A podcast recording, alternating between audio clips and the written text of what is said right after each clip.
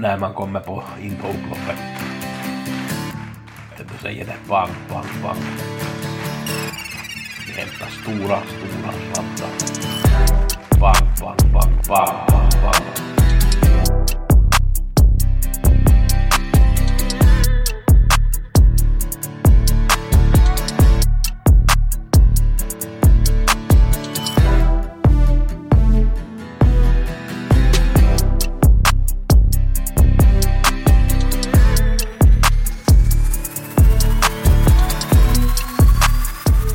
har veckopodden på tisdag beroende på att det blir inga tips förrän på söndag den här veckan. Det är endast multijackpotten på Solvalla som gäller. Jag vet ju att det är ju V86 på onsdag och flera V75-omgångar kommer att bjuda på några idéer till de här loppen.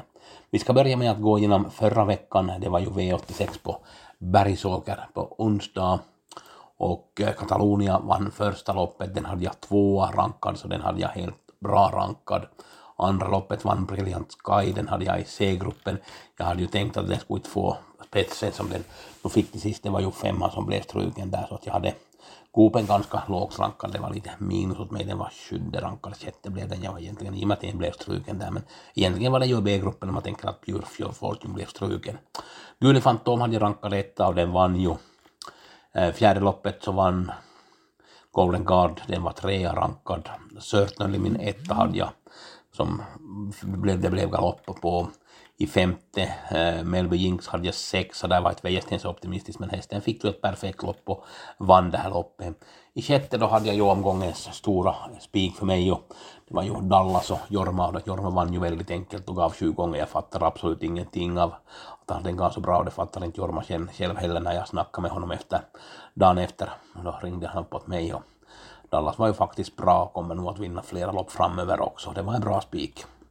Sjunde loppet hade jag Alistas Titanic som var i storskräll hade jag rankat 6-7 hade jag den rankad, där hade gett 3 procent på den och den steg ju till 1,76 där på slutet. Det var nog under 1 procent tror jag på tisdagen ändå, så det steg ganska mycket där på onsdagen. Det var väl någon som hade fått någon inside om den. Real Scotch steg till 14 procent, den hade jag femma i ranken så att den var ju ganska sådär där det skulle vara och det var ju inte så bra veckan innan, eller någorlunda bra men nu var den ju bra när den vann förstås. Det var på onsdagen, vi tar lördagens V75 Första loppet hade jag tur Ella rankade etta. Den fick överraskande spets men det blev galopp för hästen där efter några hundra meter där och det var Juha Rai som vann, den hade jag i C-gruppen men det var ju en som blev struken så egentligen skulle den vara i B-gruppen men Juha Rai var nog bättre än vad jag hade tänkt mig faktiskt. Jag måste ge bra plus åt den.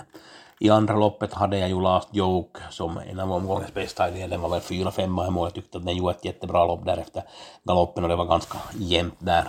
Smile Silvio vann ju och var ju egentligen bara bra. Han ganska överraskande för mig att den vann bakifrån måste jag säga, men det var en bra vinnare. Eh, uh, Nightbroad hade som bästa spiken i tredje och det var ju en dålig spik. Rackham fick ta över och vann det här loppet. Nightbroad körde inte i spets som jag hade trott att det skulle göra. Uh, fjärde loppet så var det Tor FL som vann och jag hade rankat den ganska lågt faktiskt. Det hade jag väl en sjua rankat så att det var nog äh, sämsta loppet för mig kan man säga. Då var det femte loppet var bästa loppet för mig. Där hade jag ju ensam på behind bar så jag hade ju den som näst bästa spik också. Jag hade gissat att den skulle stiga till 36 procent. Eller min uppskattning ska vi säga den stannade på 12 procent och favoriten Kentucky River blev 60 procent där. Eh, Kentucky River hade jag 46 som uppskattning på och, och procenten sjönk på den. Det var ju inte förstås så långt efter. Men Behind Bar fick äntligen vinna och jag hoppas att ni tog betalt på den. Eh, då hade jag Special Chance, att man kräver att om man får de här rätta ryggarna så är den tillräckligt bra för att kunna vinna. Jag hade 7 procent som uppskattning på den och den stannade på eh, 3 procent så det var ju egentligen en ganska bra idé. Jag hade den sexa i ranken. Friend of Elves stannade på 14 procent och den hade jag satt på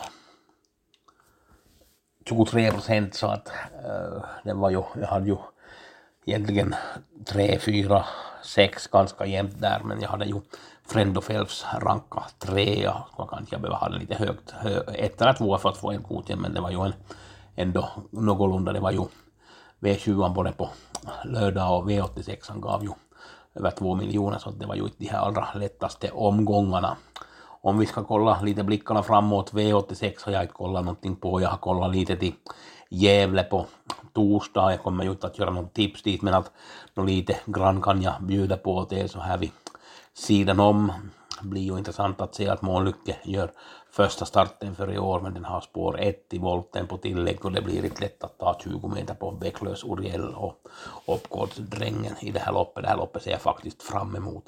Eh, jag vill varna för Black and Quick i, i fjärde loppet, Sören Erikssons lopp. Jorma var nöjd med hästen senast när den var trea och klart den möter ganska tufft motstånd men om ni garderar så ska ni absolut ta med den. Eh, sen har vi i sjätte loppet som är det här storloppet så är jag inne på att det var Kiora kommer att bli lite bortglömd här. Den var, ser ut att vara 12-13 procent. Den står på 20 meter tillägg där men att den är nog på 26-40 så tror jag nog att den här hästen är tillräckligt bra att kunna vinna det här loppet så den ska ni ju absolut sträcka. Och sista loppet är ju också intressant. Det är ju fyraåringarna här. Det blir första starten för Redenjöver är ju den här elvan Perikulm. Jag har inte bekantat mig desto mer med hästen men det blir nog en intressant start som hästen kommer att göra här så vi får se hur den kommer att klara sig mot bland annat Michigan Bro och Hustle Rain här och Night Art. Det är nog ett helt gäng som tävlar här så det är intressanta lopp på Gävle på torsdag. Hade vi Färjestad på fredag. Gocciadora kommer med Clarissa där i första loppet. Den var ju ute på Solvalla på Elitloppshelgen i fjol som Imatra vann. Då blev det galopp och hästarna tävlar här i december på Vincenno varit trea i mål så det blir ju ett intressant att se. Han brukar ju alltid ha hästarna i bra skick när de kommer och fightsat sett möter den och Time Brooklyn så det är väl de här tre som ser mest intressanta ut i, i det här loppet. Ni som följer mina tips så vet ju att jag gick hårt ut på Listas Pippi på Halmstad elfte i tredje, hästen var trea i mål, det strulade lite och sen fick ju hästen vinna då i, Åby-starten efteråt som 16-årsare och nu går den utan alla skor på Färjestad på fredag och jag tror att det är läge att ta betalt så att den ska vi nog absolut sträcka och det kan nog vara till och med att det kan vara en kulspik i ett ganska öppet lopp där. Äh, fjärde loppet var kallblodsloppet, Alm Kevin har fått spår 1. Det är över kort distans, det är Dagfinn Årum som kör det här loppet men jag vet ju att den här Sundby Rymling, om den skulle lyckas komma till spets från spår 7 så är den nog, borde den vara nog mera sträckad än 3 procent. Det är klart att procenten kommer att ändras. Det här är ju bara i början av veckan men jag ville nog nämna den i alla fall här.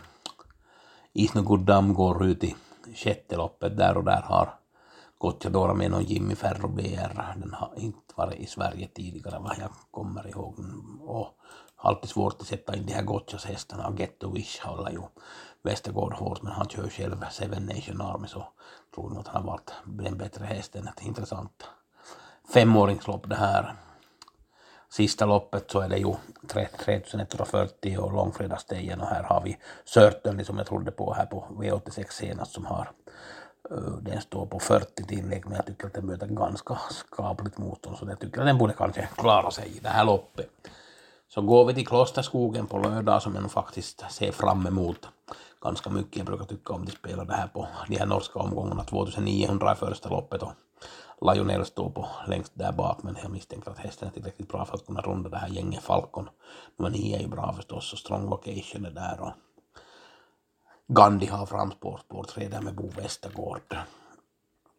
Andra loppet kallblodsloppet 2100 meter och här har vi Horget Lyne möter Arv Ard. De mötte ju senast då och eh, Christer Tore med Per Vettle Kalse med också har spår 10 där. Rolf Martin har tvåan och Bränneren har fyran och den här Alsaka Pumba håller jag men, speciellt i spets kan det slå de här och är intressant kallblodslopp här behöver vi sträcka på i alla fall. Och i tredje loppet, Patrik Palema trodde jag på senast när det var på Momarken och den tror jag på nu också. Den har spår 6. Jag tror att det här kan vara en spik till, till Klosterskogen på, på lördag. Kallblodsloppet igen, fjärde loppet, BV Sture fick spår 1 och möter Järvsö Odin Havglind Glinta Tangenborg, Grisle, Oden GL, Stumne 4. Det här är ett intressant lopp som jag faktiskt ser fram emot att se på. Det är tio, tio hästar i det här loppet. Sjätte loppet 22 100 volt, det var ett svårt lopp. Lazy Beach har spår 13 där 20 tillägg och Look Like Suburb, Lasan Markolle där framme och Kleba sig ut med Vara Palema fick spår 2 där, lite knepigt spår men klarar han spåret så finns det nog chansen att kunna vinna. Så har vi Grand Prix sista loppet, där har vi Zeta Buku, Hellpatrull, Safira Jet. Parkview, Gigantinvalli, det här är ett knepigt lopp också, det var nog ett svårt lopp så det är nog intressant på Klosterskogen. Så har vi ju den här stora jackpotten då på söndagen som jag gör tipsen till som kommer också information om, om hur ni ska gå tillväga ifall ni vill ha de här tipsen. Och jag har nog inte kollat så jättemycket ännu på söndagsomgången men det kommer jag nog att börja ta itu med i kväll här på tisdagskvällen så att det är nog den som är full fokus på den här veckan. Önskar er en bra travvecka. Tack för mig från Gusses sida och lycka till på spelet. Ha en bra påsk.